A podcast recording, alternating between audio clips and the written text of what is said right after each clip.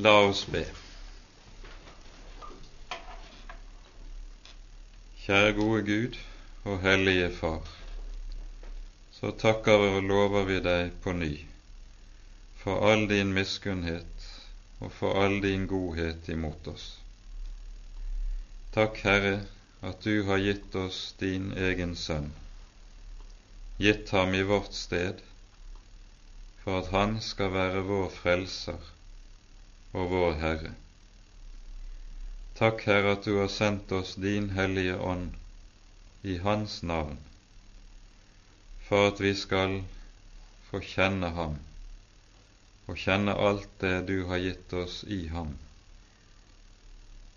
Og så ber vi deg, gode Herre, at du rikelig vil utøse din ånd hos oss og imellom oss, at vi kan forstå ordet ditt, og at vi kan bindes fast til din Sønn, og at vi, Herre, må få bli bevart inntil enden. Det ber vi om, Herre, for Jesus skyld, og takker og lover deg fordi du er god, og din miskunnhet varer til evig tid. Amen.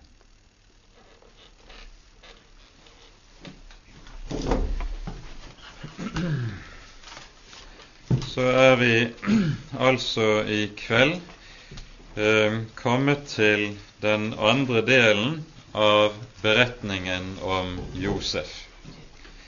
Vi delte dette inn slik at vi i eh, den første delen av denne beretningen så på det vi kalte Josefs fornedrelse og i dag skal vi se på hvorledes Første Mosebok taler om hans opphøyelse. Og vi peker på allerede i utgangspunktet at i det Bibelen forteller oss om Josef, så har vi kanskje det fremste gammeltestamentlige forbildet på vår Herre Jesus. Både i hans lidelse, i hans fornedrelse og i hans opphøyelse. Josef er et forbilde på Kristus. Nå er det slik med denne fortellingen om Josef at man helst burde lese den fullstendig i sammenheng. Det har vi jo ikke tid til på en kveld som denne. Men beretningen er et enhetlig hele, og den har noe med seg som gjør den til noe helt særegent i Skriften. En kan ikke lese denne beretningen uten å gripes av det vi her hører.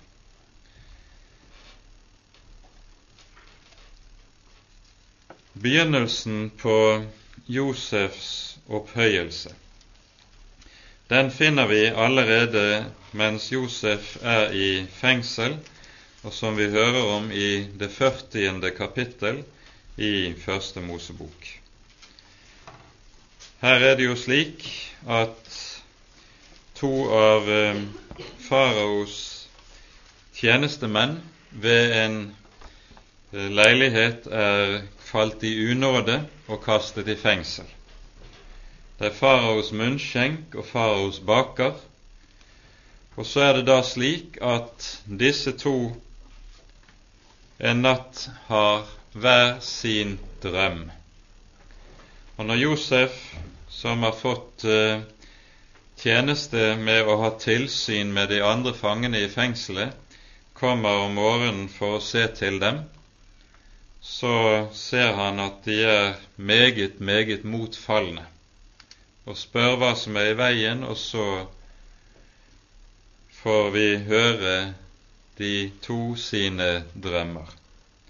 Hvorpå Josef så kan gi de to hver deres tydning av drømmen.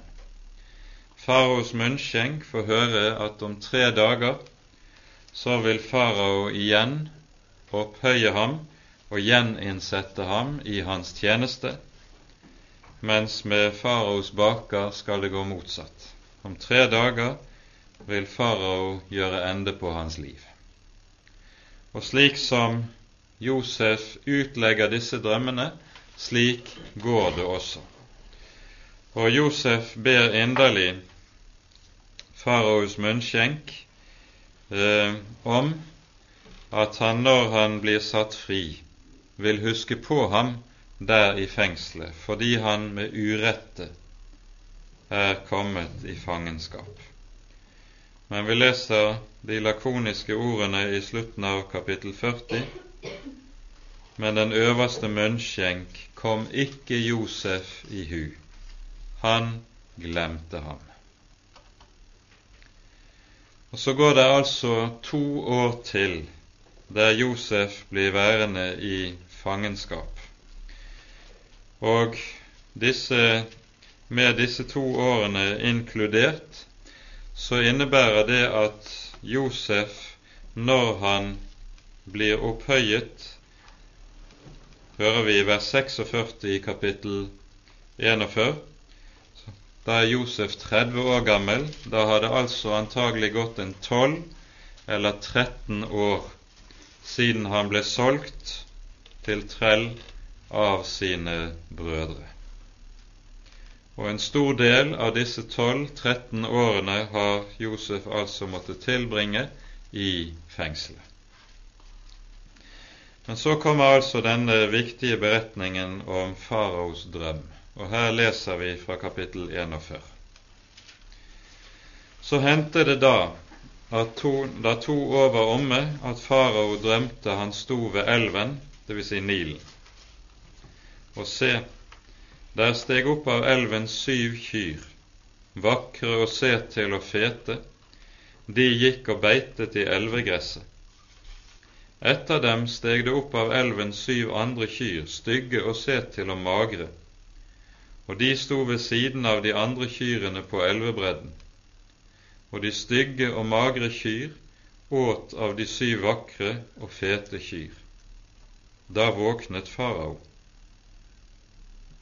Så sovnet han igjen og drømte annen gang å se syv aks, frodige og gode, vokste opp på ett strå, og etter dem skjøt opp syv aks som var tynne og svidd av østenvinden.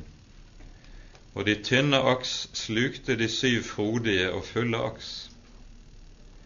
Da våknet farao og skjønte at det var en drøm. Men om morgenen var han urolig til sinns, og han sendte bud og lot kalle alle tegnsutleggerne og alle vismennene i Egypt. Og farao fortalte dem sine drømmer, men det var ingen som kunne tyde dem for ham. Da talte den øverste munnskjenk til farao og sa:" Jeg må i dag minne om mine synder. Farao ble vred på sine tjenere og satte meg fast hos høvdingen over livvakten, både meg og den øverste baker. Da hadde vi hver sin drøm i samme natt, jeg og han, og våre drømmer hadde hver sin mening. Og det var en hebraisk gutt sammen med oss der. Han var tjener hos høvdingen over livvakten. Ham fortalte vi våre drømmer, og han tydet dem for oss. Ettersom enhver hadde drømt, tydet han dem. Og slik han tydet dem for oss, således gikk det. Jeg ble satt i mitt embete igjen, og han ble hengt. Da sendte farao bud og lot Josef kalle, og de førte ham skyndsomt ut av fengselet og lot ham rake seg og skifte klær og trådte frem for farao. Da sa farao til Josef, Jeg har hatt en drøm, og det er ingen som kan tyde den. Men jeg har hørt si om deg at så snart du hører en drøm, kan du tyde den. Og Josef svarte farao og sa, Det står ikke til meg. Gud vil gi et svar som spår lykke for farao. Da sa farao til Josef, Jeg syntes i drømme at jeg sto på elvebredden, og se, av elven steg der opp syv kyr, fete og vakre av skikkelse. Og så hører vi farao gjenfortelle drømmen, og så kommer Josef igjen i vers 25. Da sa Josef til farao, Faraos drømmer har én mening, hva Gud vil gjøre, har han latt farao vite. De syv gode kyr er syv år, og de syv gode aks er syv år. Det er én og samme drøm. De syv magre og stygge kyr som steg opp etter dem, er også syv år, og de syv tomme aks som var svidd av østenvinden, er syv hungersår som skal komme. Det er som jeg sa til farao, hva Gud vil gjøre, har han latt farao se. Det kommer syv år med stor overflod i hele Egyptens land, men etter dem kommer det syv hungersår, så all denne overflod skal bli glemt i Egyptens land, og hungeren skal arme ut landet. Og ingen skal minnes den overflod som var i landet for hungeren bakefter, for den skal bli meget hår. Men at drømmen kom to ganger for farao, det vil si at saken er fast besluttet av Gud, og at Gud vil gjøre det snart. Nå skulle farao utse seg en forstandig og vis mann og sette ham over Egyptens land. Det skulle farao gjøre, og så sette oppsynsmenn over landet og ta femtedelen av avgrøden i Egyptens land i de syv overflodsårene. Og de skal samle alt som kan tjene til føde i disse gode år som kommer, og under faraos hånd dynge opp korn i byene til føde og ta vare på det. Og kornet skal tjene til forråd for landet i de syv hungersårene som skal komme over Egyptens land, så landet ikke skal ødelegges av hungeren. Disse ord syntes farao og alle hans tjenere godt om. Og farao sa til sine tjenere, Mon det finnes noen som han, en mann som har Guds ånd. Så sa farao til Josef, siden Gud har latt deg vite alt dette, så er det ingen som er så forstandig og vis som du. Du skal forestå mitt hus, og hele mitt folk skal rette seg etter ditt ord. Bare tronen vil jeg ha fremfor deg. Og farao sa fremdeles til Josef, Se, jeg setter deg over hele Egyptens land. Og farao tok sin signet av hånd, sin hånd og satte den på Josefs hånd, kledde ham i klær av fint lin og hengte en gullkjede om hans hals. Og han lot ham kjøre i den vogn som var nærmest etter hans egen, og de ropte foran ham abrek, som antageligvis altså betyr bøy kne. Og han satte ham over hele Egyptens land. Og farao sa til Josef, Jeg er farao, og uten din vilje skal ingen mann løfte hånd eller fot i hele Egyptens land. Og farao ga Josef navnet Sofnat Panea, og ga ham til hustru Asnat, en datter av Potifera, presten i On. Så dro Josef omkring i Egyptens land.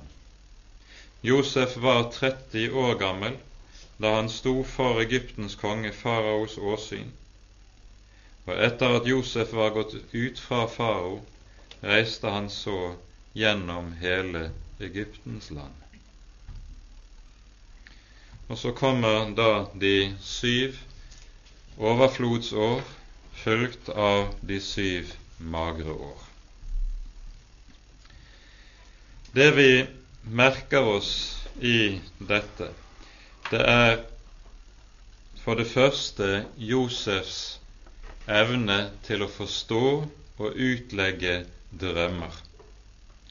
Her har vi en annen skikkelse i Den hellige skrift som svarer meget klart til Josefs person, og det er Daniel. Hos Daniel ser vi nøyaktig den samme gave til å forstå slike drømmer som er sendt av Gud, og som altså sendes som profetiske budskap inn i en hedensk omverden. For like som Josef er og bor i hedensk, et hedensk land i fullstendig hedenske omgivelser, så kommer Daniel til å gjøre nøyaktig det samme. Det andre vi merker oss, er hvorledes Josef avlegger en meget klar bekjennelse. Det hører vi både her i vers 16 det står ikke til meg. Gud vil gi et svar som spår lykke for farao.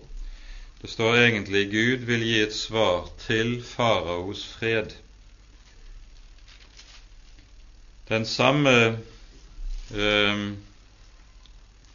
bekjennelse møter vi også i kapittel 40, der vi hører Josef som tyder drømmen til de to i fangenskapet. I vers 8 sies det slik Å tyde drømmer, er ikke det Guds sak? Det hører Herren til. Det er helt klart ut fra det vi her leser, at Josef har i overhodet ikke, ser det ut til, latt seg påvirke av eller prege av de hedenske omgivelser han lever i. Troen på Herren, Abrahams, Isaks og Jakobs Gud, er fullstendig ukjent blant egypterne. Men Josef har midt i denne egyptiske høykulturen, ser det ut til, ikke på noe vis latt seg prege av denne overlegne kulturs gudstro og gudsdyrkelse, men bevart den tro som han har fått lære å kjenne i sitt barndomshjem. Og det ser ut til at tiden i trengsel, i nød og i fangenskap bare har virket til å modne og å avklare troen hos Josef, slik at når han trer frem for farao, så gjør han det helt enkelt, tydelig, uten å be om unnskyldning for hva han har å si. Gud vil gi farao et svar. Gud har vist farao hva han vil gjøre. Han sier ikke gudene. Ingen knebøyning for eller kompromiss i forhold til faraos gudstro. Det er en klar bekjennelse til Israels Gud. Det vi her hører fra Josefs munn, det kommer meget klart frem også i Daniels bok, som vi har pekt på. Ikke minst vil vi gjøre oppmerksom på den bønn Daniel ber, og som vi hører i Daniel 2,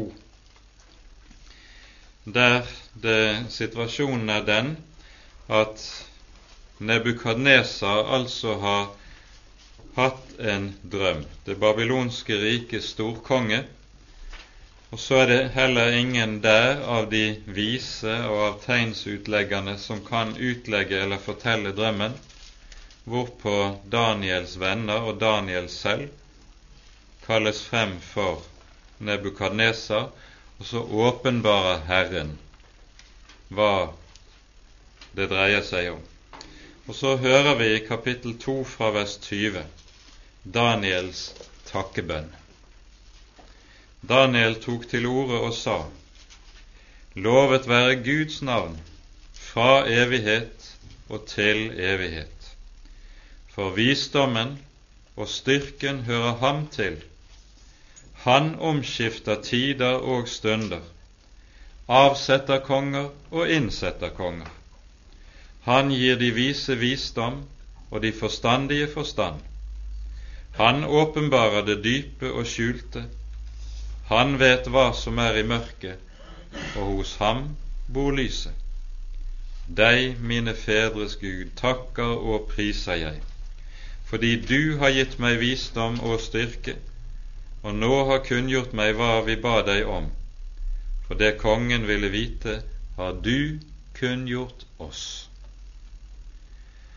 Det er så å si som en gjenklang av det som skjer med Josef vi her hører. Vi har også en annen parallell her til det vi hører om i Daniels bok. Og det er den fallitt vi hører eh, når det gjelder vismennene og tegnsutleggerne. Det omtales jo i vers 8. Og disse to uttrykkene, tegnsutleggere og vismenn i Egypt, svarer meget nøye til to embetstitler som man godt kjenner fra egyptisk arkeologi også. Det er to ulike grupper tjenester som uh, uh, var veldig viktige i egyptisk religion. Her er disse spilt fallitt. Når Herren har noe han vil ha sagt, da forstår denne verdens vise ingenting. Og Dermed er vi inne i det som apostelen Paulus jo taler meget klart om i første Korinterbrevs første kapittel. Hvor er en vismann i denne verden? Hvor er en skriftlærd? Har ikke Gud gjort denne verdens visdom til dårskap. Dette er noe som vi ser stadfestet i denne, både i denne sammenheng og en rekke andre sammenhenger i Skriften. Når hedenskapet stilles ansikt til ansikt med åpenbaringen fra Herren, da blir den stilt sjakkmatt. Og så blir det en trell og en fange en som ikke har noe av denne lærdom, ikke har noe av denne visdom som hedenskapet har satt sin lit til, som åpenbarer det hele. Og på ny har vi det som står i første Korinterbrev, som renner oss i minne. Det som ingenting er, det utvalgte Gud for å gjøre til skamme det som er noe. Så ser vi altså i Josefs historie hvordan dette som er grunnsannheter i Skriften, stadfestes meget klart og meget nøyaktig i ham og igjennom ham. For øvrig er det også slik i det avsnittet vi her leser, og også i kapitlene videre, at vi får et meget eh, tro bilde av egyptisk kultur i, og skikker i disse kapitlene. F.eks. det som fortelles om hvorledes Josef, når han hentes ut av fengselet, så for at han skal kunne tre frem for farao, så det første som er nødvendig å gjøre, er at han må rake hodet. For hebreerne så var jo det noe som var en vederstyggelighet. En skulle nettopp ikke rake seg, men den som skulle tre frem for farao, måtte ha raket hodet. Og vi hører også når Josef så opphøyes til landets øverste embete, så hører vi en rekke trekk som svarer nøyaktig til det man ellers vet i om Egypt og egyptisk, egyptiske embetsmenn. For det første hører vi at farao tar sitt signet av sin finger og setter den på Josefs hånd. Disse signetene hadde en helt spesiell form, de som var eiendommelige for faraonene. Og Man finner denne formen også igjen i, i de egyptiske hieroglyfinnskriftene, der det alltid er slik at der hvor en faraos navn står, der står det en oval rundt faraonens navn, og signetene er avbildet i form av disse. For det andre hører vi klesplagget som Josef kles i fint lin. Det var embetsdrakten til de fremste eller de øverste i Egypt, og det er et særegent stoff som kun ble produsert i Egypt av eh, planter som vokste i Nil-området. For det tredje hører vi om kjede av gull. Nøyaktig bør det helst oversettes en krage av gull, som nettopp også var en embetstegn svarende til det vi ellers vet fra egyptisk kultur, og det kan kanskje ligne sånn som embetstegn, ligne litt på sånne ordførerkjeder som vi kjenner fra våre egne sammenhenger, men no, altså noe langt mer og rikere. Josef innsettes til storvisir. Og han får altså ikke bare disse høye embetstegn på sin nye verdighet. Han får to ytterligere to ting av farao. For det første, han får et nytt navn. Han kalles Sofnat Panea. Hva dette navnet egentlig betyr, det er uvisst. Den vanlige utleggelse av det, som det gjerne står i en fotnote i våre bibler, at det skal oversettes med 'verdens frelser', men det er langt fra sikkert. Det kan også Det er flere teorier for hva dette betyr. Den vanligste, eller den allment mest aksepterte teorien er at det betyr 'den som opprettholder livet', nemlig i folket. Det får så være. Det Uansett hvordan man nå oversetter dette, så peker det på dette at i Josef har Egypt fått den øverste som berger folket. Til sist får altså Josef også en hustru av farao. Hun heter Asnat, og vi hører hun er datter av presten Potifera i On. Dette er en av de øverste prestene, de øverste presteembetene. Og Det var slik i egyptisk kultur at de øverste prestene de var av faraos hus. Dette innebærer altså at Josef med det giftes inn i den kongelige familie. Det er altså en opphøyelse som ikke bare berører Josefs stilling og embete, men farao lukker ham til og med inn i sin egen familie med dette giftermålet. Så vi forstår av det som her skjer, at Josef sannelig opphøyes. Samtidig ser vi også i dette klarere og klarere konturene av hvorledes Josef er forbildet på Kristus. For også når det gjelder Herren Jesus, er det slik at han nettopp ved sin opphøyelse ble verdens frelser.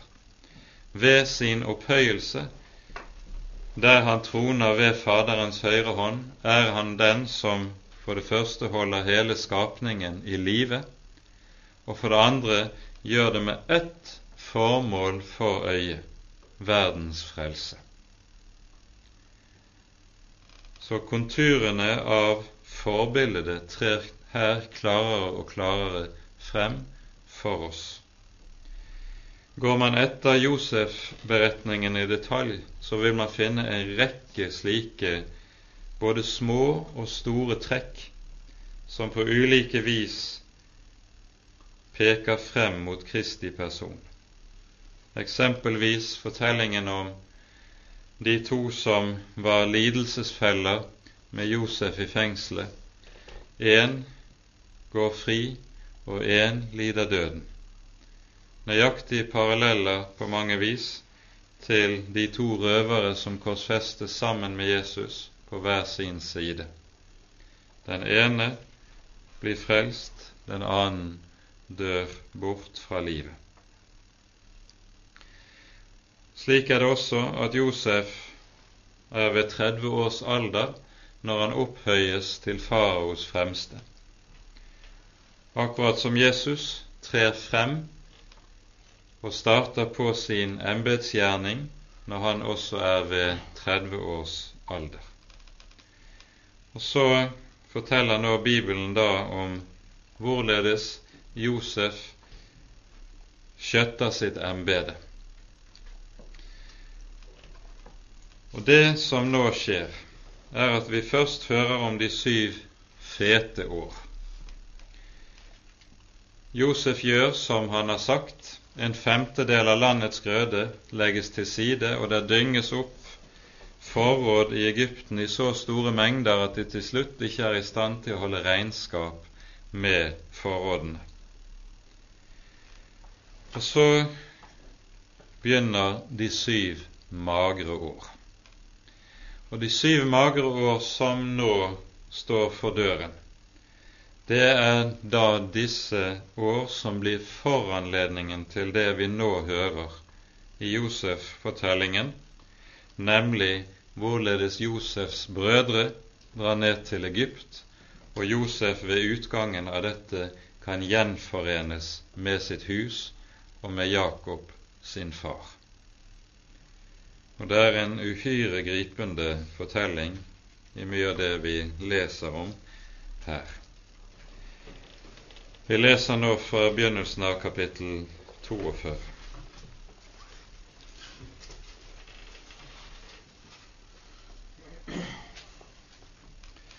Da Jakob fikk vite at det var korn i Egypt, sa han til sine sønner, Hvorfor sitter dere og ser på hverandre?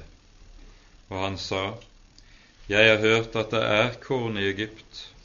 Dra dit ned, kjøp korn til oss der, så vi kan leve og ikke dø.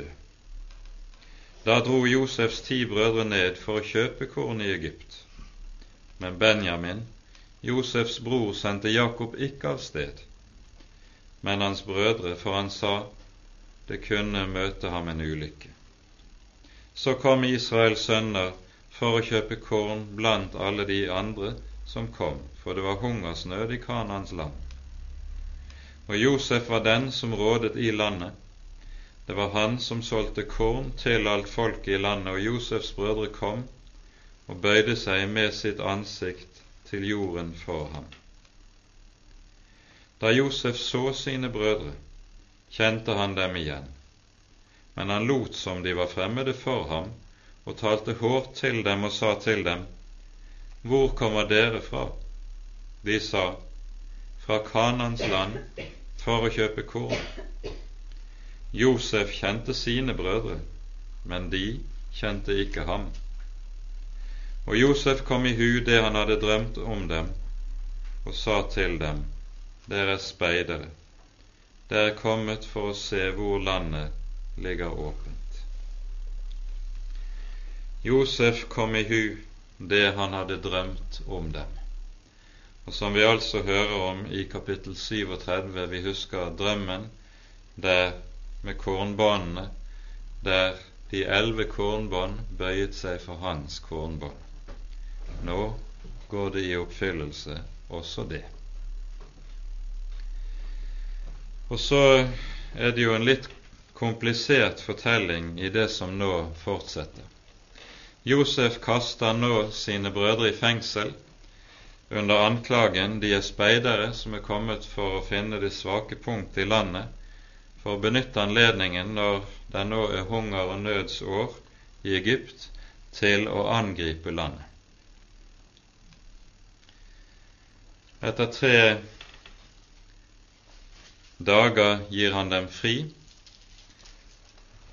men under én forutsetning. De skal bekrefte, de skal bevise sannheten i sin påstand om at de er sønner av samme far, ved å vende tilbake med den ene av sønnene som er tilbake i landet, Benjamin.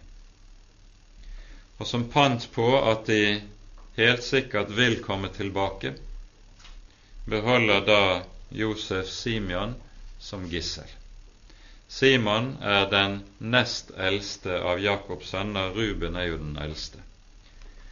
Simon og Levi var jo de to som vi hørte om i kapittel 34, som slo i hjel alle Sikkems innbyggere med en voldsomhet og en mangel på hemninger i forhold til brutalitet og vold som nesten var skremmende. Og det er mulig at det nettopp er Simon og Levi som også var drivkreftene i ønsket om å ta Josef av dage når brødrene ble hindret i det, at de sørget for å få solgt Josef til trell til Egypt. Det er i hvert fall deres sinnelag som vi kjenner igjen i meget av det som her skjedde, og ble gjort mot Josef. Simon holdes tilbake. Brødrene får reise med sekkene med korn. Og når de kommer til hjem til Jakob og forteller hva som har skjedd, så bryter Jakob ut i klage. Dere gjør meg sønneløse. For nå tror han at han også har mistet Simeon, den annen av sine sønner. Men hungersnøden varer ved. Og så tar kornet de brødrene har brakt med seg fra Egypt slutt, og de vet at nå må de tilbake for å proviantere på ny. Og så er det at Jakob vil sende dem av gårde, men de svarer nei, vi kan ikke dra uten Benjamin.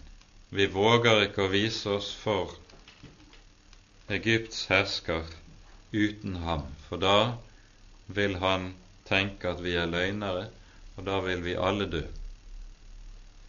Og Etter en ordveksling så ser Jakob at han er tvunget til å sende Benjamin med brødrene. Og så er det altså at vi hører hvordan han tar imot brødrene vennlig, byr dem til bords i sitt hus, og så sendes de av gårde igjen dagen etterpå, og så hører vi kapittel 44, noe av det som skjer her. Siden bød han dem som foresto hans hus, fyll nå mennene sekker med korn, så meget de kan føre med seg, og legge enhvers penger øverst i hans sekk. Men mitt beger, sølvbegeret, skal du legge øverst i den yngstes sekk sammen med pengene for hans korn. Og han gjorde som Josef bød ham. Om morgenen da det ble lyst, lot de mennene med sine asener fare. Da de hadde dratt ut av byen og enda ikke var kommet langt, sa Josef til den som foresto hans hus, Ta av sted, sett etter mennene, og når du når dem, skal du si til dem, Hvorfor har dere gjengjeldt godt med ondt? Er det ikke det beger som min Herre drikker av, som, og som han spår i? Dette var ille gjort av dere. Og han innhentet dem og sa dette til dem. Og da sa de til ham, Hvorfor taler min Herre således? Det være langt fra dine tjenere å gjøre noe slikt. Se de penger som vi fant øverst i våre sekker, hadde vi med oss tilbake til deg fra Kanans land. Hvorledes skulle vi da stjele sølv eller gull fra din Herres hus? Den av dine tjenere som det finnes hos, han skal dø, og vi andre skal være min Herres treller. Og han sa, Vel, la det være således som dere har sagt. Den som det finnes hos, skal være min trell, men dere skal være uten skyld. Så skyndte de seg og løftet hver sin sekk ned på jorden, og enhver åpnet sin sekk. Og han så etter. Han begynte hos den eldste og endte hos den yngste, og begeret ble funnet i Benjamins sekk. Da sønderrev de sine klær og lesset hver på sitt asen og vendte tilbake til byen. Og Juda og hans brødre kom til Josefs hus mens han ennå var der, og de kastet seg til jorden for ham. Da sa Josef til dem, Hva er det for noe dere har gjort? Visste dere ikke at en mann som jeg kan spå? Og Juda sa, Hva skal vi svare, min Herre, hva skal vi si, og hva skal vi rettferdiggjøre oss med? Gud har funnet dine tjeneres misgjerning. Se, vi er min Herres treller, både vi og den som begeret ble funnet hos. Men han sa, Det være langt fra meg å gjøre slikt. Den mann som begeret ble funnet hos, han skal være min trell, men dra dere andre i fred opp til deres far.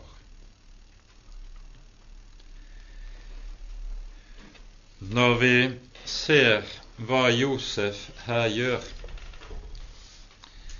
så forstår vi at Josefs hensikt med dette, det er å prøve brødrene. Han kjente brødrene igjen med en gang de kom.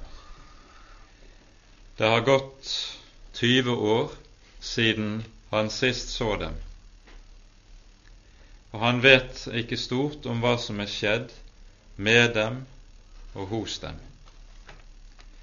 Men han må jo stille seg selv spørsmålet er det samme sinn hos dem nå som den gang de var villige til å selge meg til trell. Nå har de muligheten til å selge Benjamin til trell, eller kvitte seg med ham og selv dra hjem. Det er ganske sikkert slik at den favoriserte stilling som Josef hadde, og som brødrene var så forarget på i Jakobs hus, den har Benjamin overtatt etter at Josef ble borte. Og så kjenner jo Josef godt til misunnelsen, bitterheten, stridbarheten brødrene imellom og så skal det prøves, er det samme sinn der fortsatt. De ga meg opp og solgte meg til trell. Er de nå villig til det samme med min bror? Og her er det vi da, da hører at det visselig er skjedd en endring blant brødrene. Og dette kommer aller klarest til syne i det som vi nå hører fra Judas munn, som nå sier seg villig til å gi seg selv i Benjamins sted. Vi leser fra vers 18. Da gikk Juda frem til ham og sa, Hør meg, Herre. La din tjener få tale et ord for min Herres øre, og la ikke din vrede opptennes mot din tjener for du er som farao selv. Min herre spurte sine tjenere, har dere en far eller bror? Da sa vi til min herre, vi har en gammel far. Han har en ung sønn som er født i hans alderdom, hans bror er død, og han er alene igjen etter sin mor, og hans far har ham så kjær. Og du sa til dine tjenere, før ham ned til meg, så jeg kan få se ham med mine egne øyne.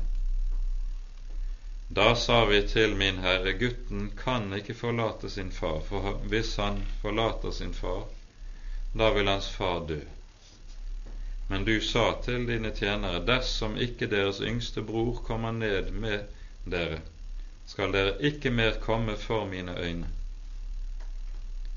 Da vi så kom hjem til din tjener, min far, fortalte vi ham hva min Herre hadde sagt. Og vår far sa, dra av sted igjen og kjøp korn til oss. Da sa vi, vi kan ikke dra ned, men dersom vår yngste bror er med oss, da vil vi dra ned. For vi kan ikke komme mannen for øye uten at vår yngste bror er med. Men din tjener, min far, sa til oss, Dere vet at min hustru fødte meg to sønner. Den ene gikk bort fra meg, og jeg sa, Han er visselig revet i hjel, og jeg har aldri sett ham siden. Ta dere nå også denne fra meg. Og det møter ham noen ulykke, så sender dere mine grå hår med sorg ned i dødsriket. Skal jeg nå komme hjem til din tjener min far, og gutten som han henger ved med hele sin sjel, ikke er med oss, så blir det hans død, med det samme han ser at gutten ikke er med. Og vi må sende din tjener, vår fars grå hår, med sorg ned i dødsriket. For din tjener tok på seg å svare for gutten hos min far og sa, Dersom jeg ikke har ham med tilbake til deg, vil jeg være min fars skyldner alle mine dager. La derfor din tjener bli i guttens sted som trell hos min Herre, men la gutten dra hjem med sine brødre. For hvorledes skulle jeg da dra hjem til min far uten at gutten var med meg? Jeg kunne ikke se på den sorg som da ville komme over min far. Her hører vi hvorledes Juda er villig til å gi seg selv i Benjamins sted. Og Her ser vi et annet trekk som er ganske viktig i denne fortellingen, og det er hvorledes vi møter det i kapittel 49, når Josef, når eh, Jakob velsigner sine sønner før han skal dø så er det Juda som får det løftet at i hans etterslekt er det Messias skal fødes.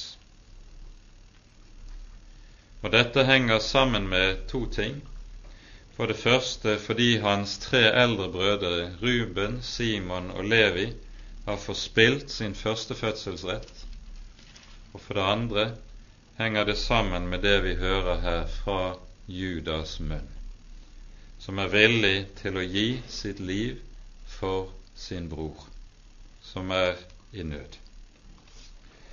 Og vi hører hva Judas sier i vers, vers eh, 32, hvorledes han er lovet å svare for sin bror. Og nettopp dette er det jo også Guds sønn gjør for oss. Han svarer for oss.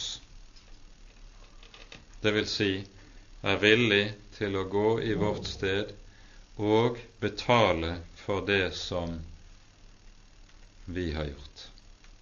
Som Juda er villig til å bøte for det Benjamin skal ha gjort. Nå hører vi i det påfølgende kapittelet om hvorledes Josef nå gir seg til kjenne for sine brødre. Da kunne ikke Josef lenger legge bånd for seg for alle dem som sto hos ham. Han ropte, La hver mann gå ut fra meg, og det var ingen til stede da Josef ga seg til kjenne for sine brødre, og han brast i gråt, og gråt så høyt at egypterne hørte det, og de hørte det i faraos hus. Og så gir Josef seg til kjenne. Og her er det vi også ser et annet trekk i det forbilledlige ved Josefs person, og som vi møter igjen i Messias-profetien i senere i Bibelen, nemlig Sakarias 12. For her hører vi om hvorledes Israels folk skal bli omvendt i de siste dager.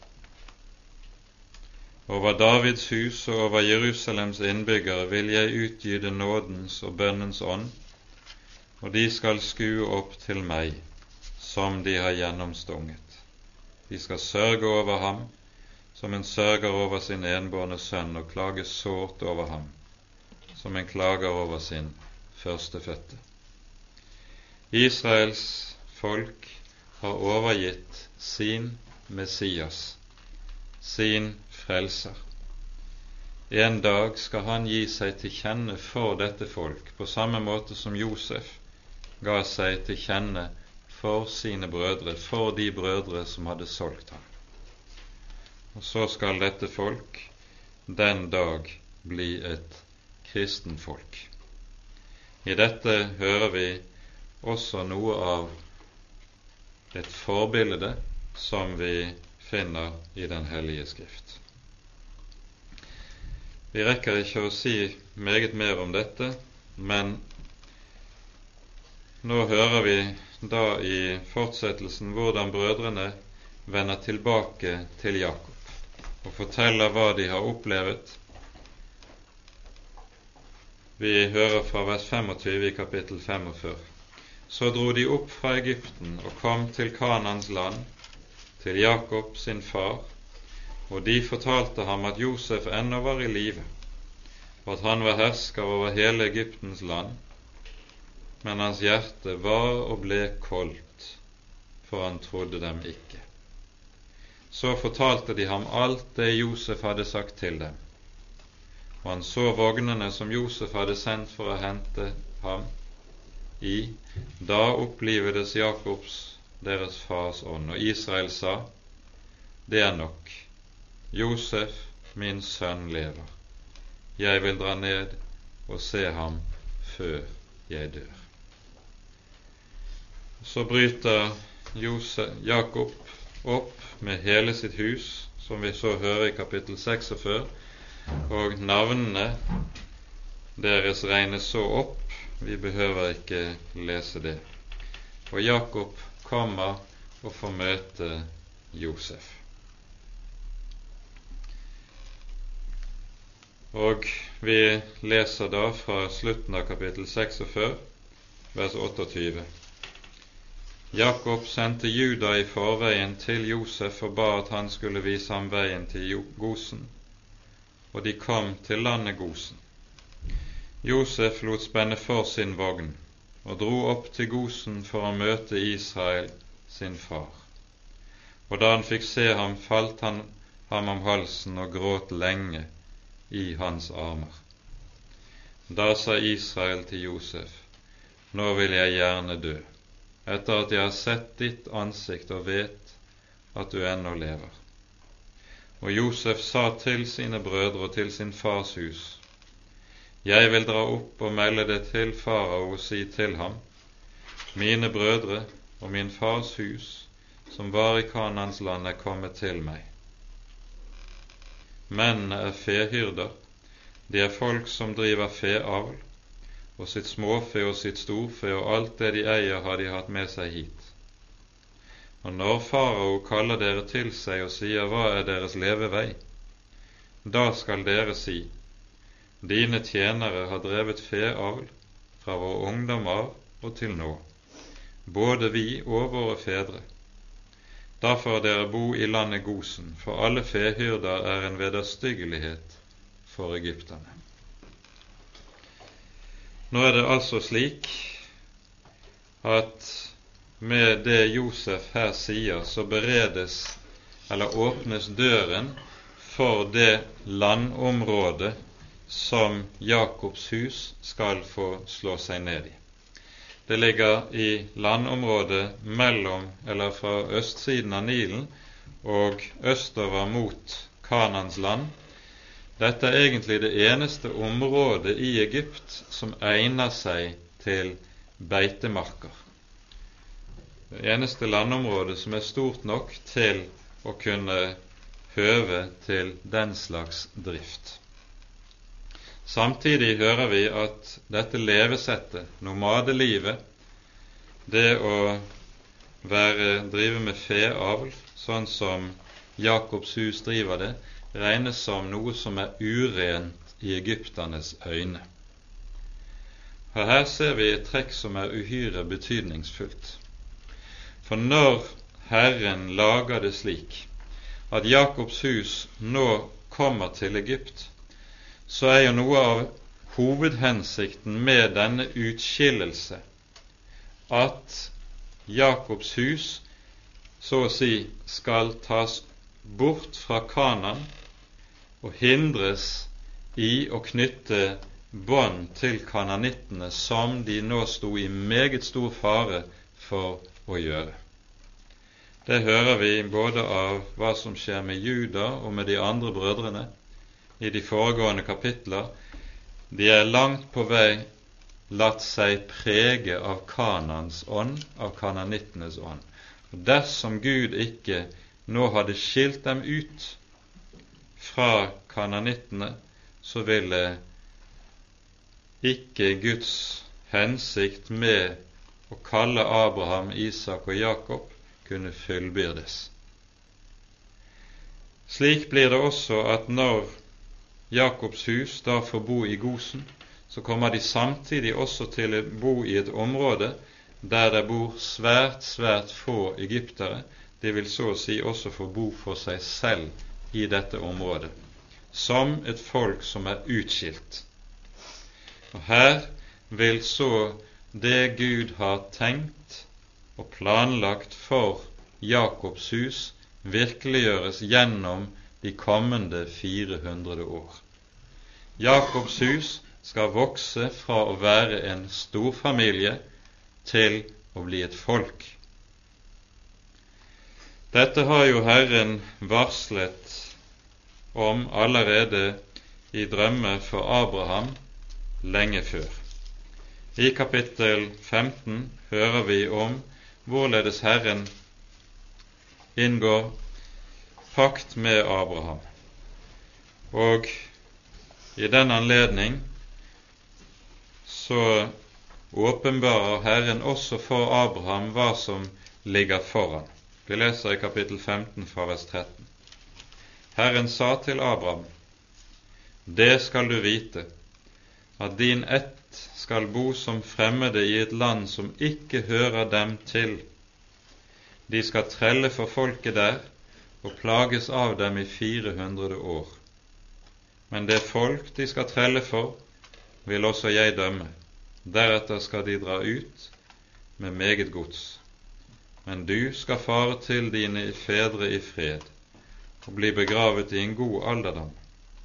Og i deres fjerde ettledd skal de komme hit igjen for amorittene har ennå ikke fylt sin ondskaps mål.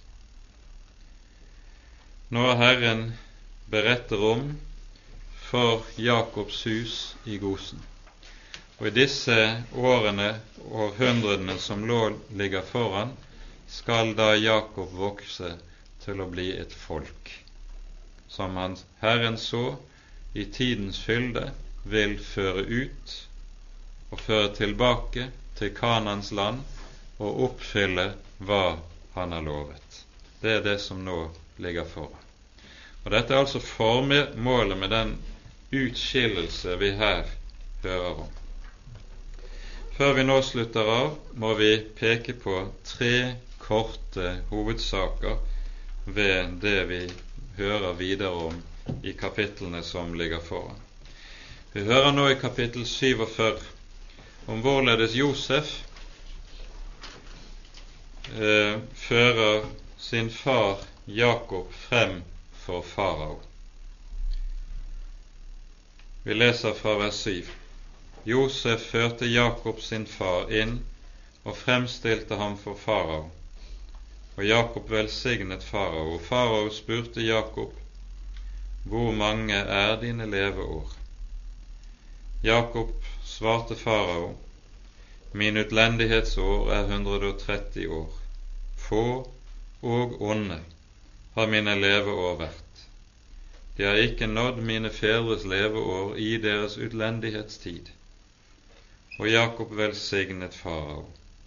Så gikk han ut fra farao. Det Jakob her sier, det gir oss på mange måter summen av Jakobs liv. Og vi merker oss særlig to ting ved det vi her hører. For det første kaller Jakob sitt liv for utlendighetens tid. Jakob er seg klart bevisst at på grunn av arven fra Abraham, kallet fra Herren, så er han en pilegrim, en fremmed, en utlending her i denne verden.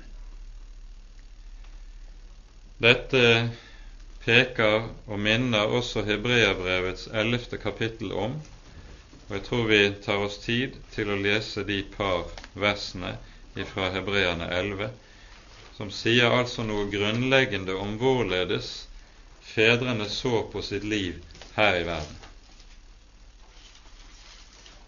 I Hebreane 11 leser vi slik fra vers 13.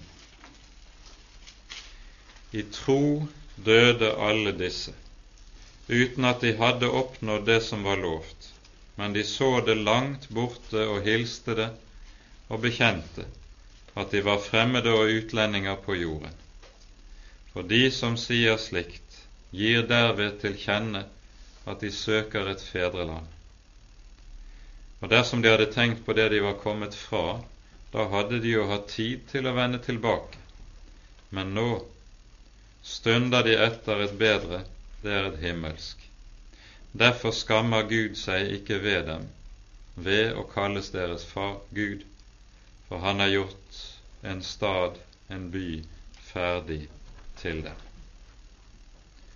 I dette så er altså fedrene forbilder for oss når det gjelder hvordan vi skal se på livet her i verden. Vi hører også David si det samme i første krønikabok 29 i sin store bønn der. Vi er fremmede og utlendinger hos deg. David var en som sannelig hadde oppnådd både alt det et menneske kan oppnå her i verden, og likevel han ser på seg selv som fremmed i alt dette.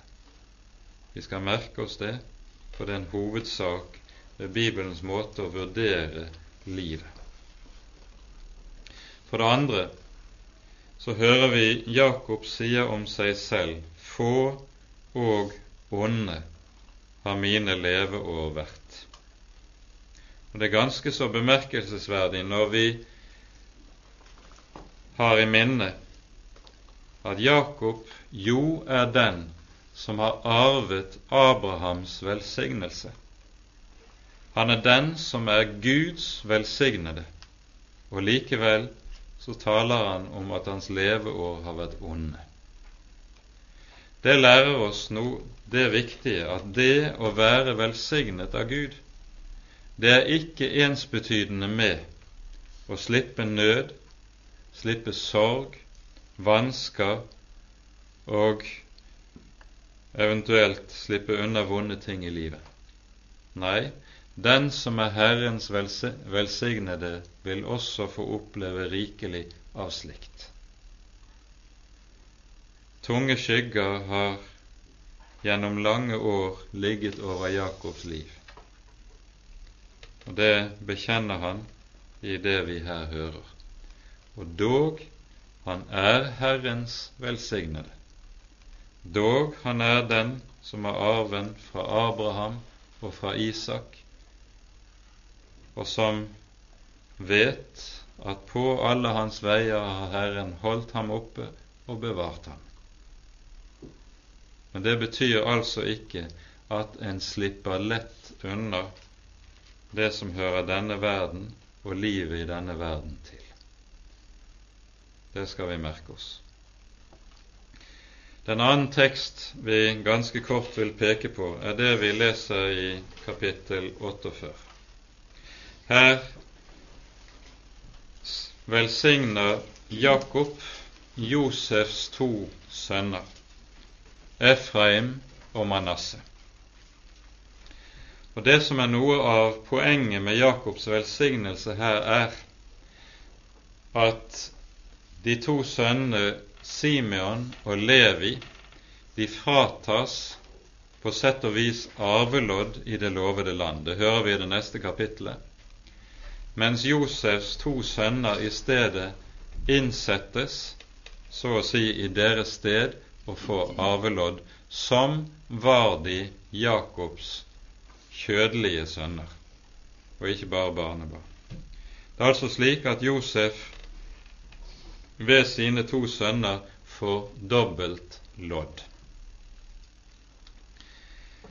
I denne velsignelsen fra Jakob så hører vi noe ganske bemerkelsesverdig, som sier meget om den Gud som Jakob har vandret sammen med, og under hvis hender han har vært velsignet. Vi leser vers 15 og vers 16. Han velsignet Josef og sa:" Den Gud for hvis åsyn mine fedre Abraham og Isak vandret, den Gud som var min hyrde fra jeg ble til og til denne dag, den engel som forløste meg fra alt ondt, han velsigne guttene så de må kalles med mitt navn, og med mine fedre, Abrahams og Isaks navn, og bli meget tallrike i landet. Merk hvorledes Jakob her omtaler Herren. Først den Gud for hvis ansikt Abraham og Isak vandret. For det andre den Gud som var min hyrde, for det tredje den engel som forløste meg.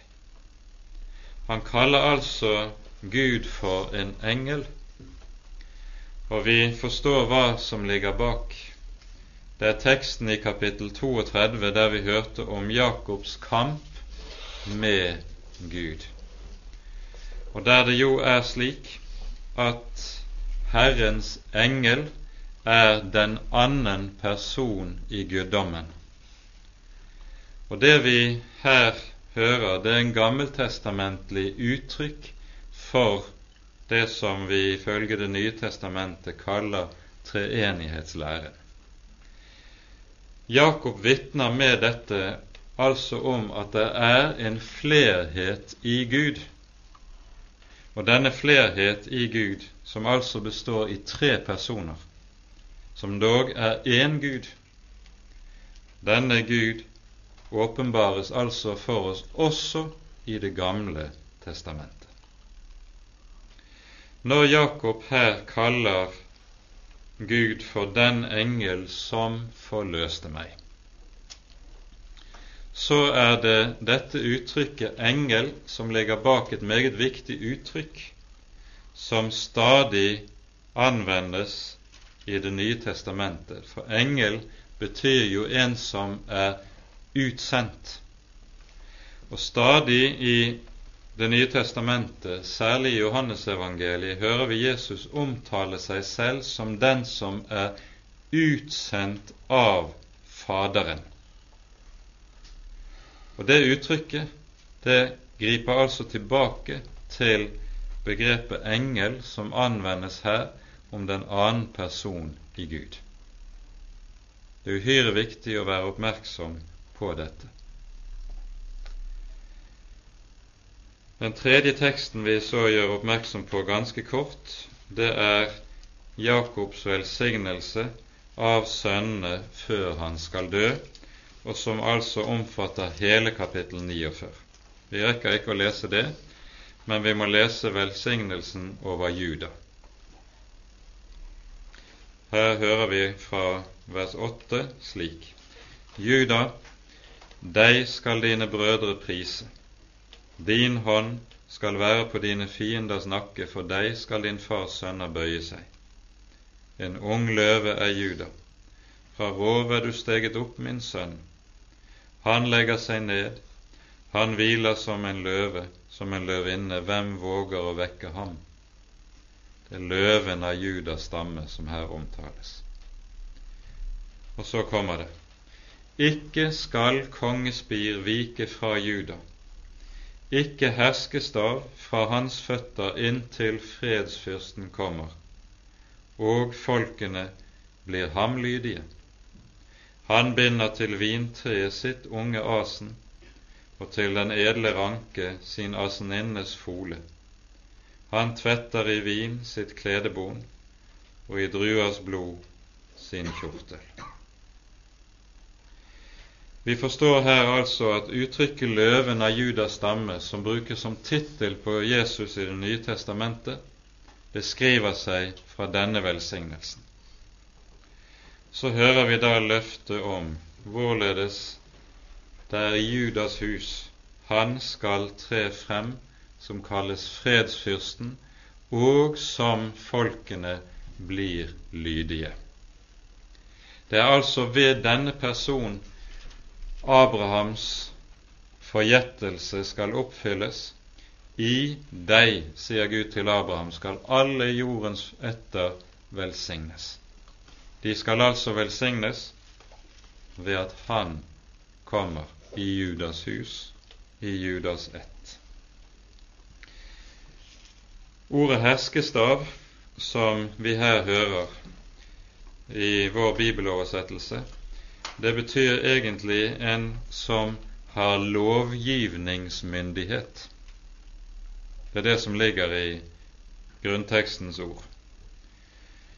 Og bl.a. med bakgrunn i dette og i ordet vi hører om Messias i 5. Mosebok kapittel 18, så har den jødiske utleggelse av Messias-profetien lest disse slik at Messias skal være som Moses. Han er den annen Moses. Og like som Moses kom og forkynte sin lov, skal Messias også være den som foreskriver menneskene dets rette vei. For det tredje merker vi oss her i denne teksten i vers 11 det, de forunderlige uttrykkene om vintreet og asene som bindes til vintreet. I rabbinsk utleggelse av Messias-profetien så knyttes dette verset sammen med Sakarias 9,9. Rop med glede, Sions datter, se, din konge kommer til deg. Fattig er han, ridende på et esel, på trelldyrets fole. Og de utlegger det da slik at Messias nettopp er denne kongesønnen av Judas stamme, hvis herskestav skal råde over folkeslagene. Disse ordene knyttes da meget tett sammen. Så meget rekker vi å se på i dette avsnittet.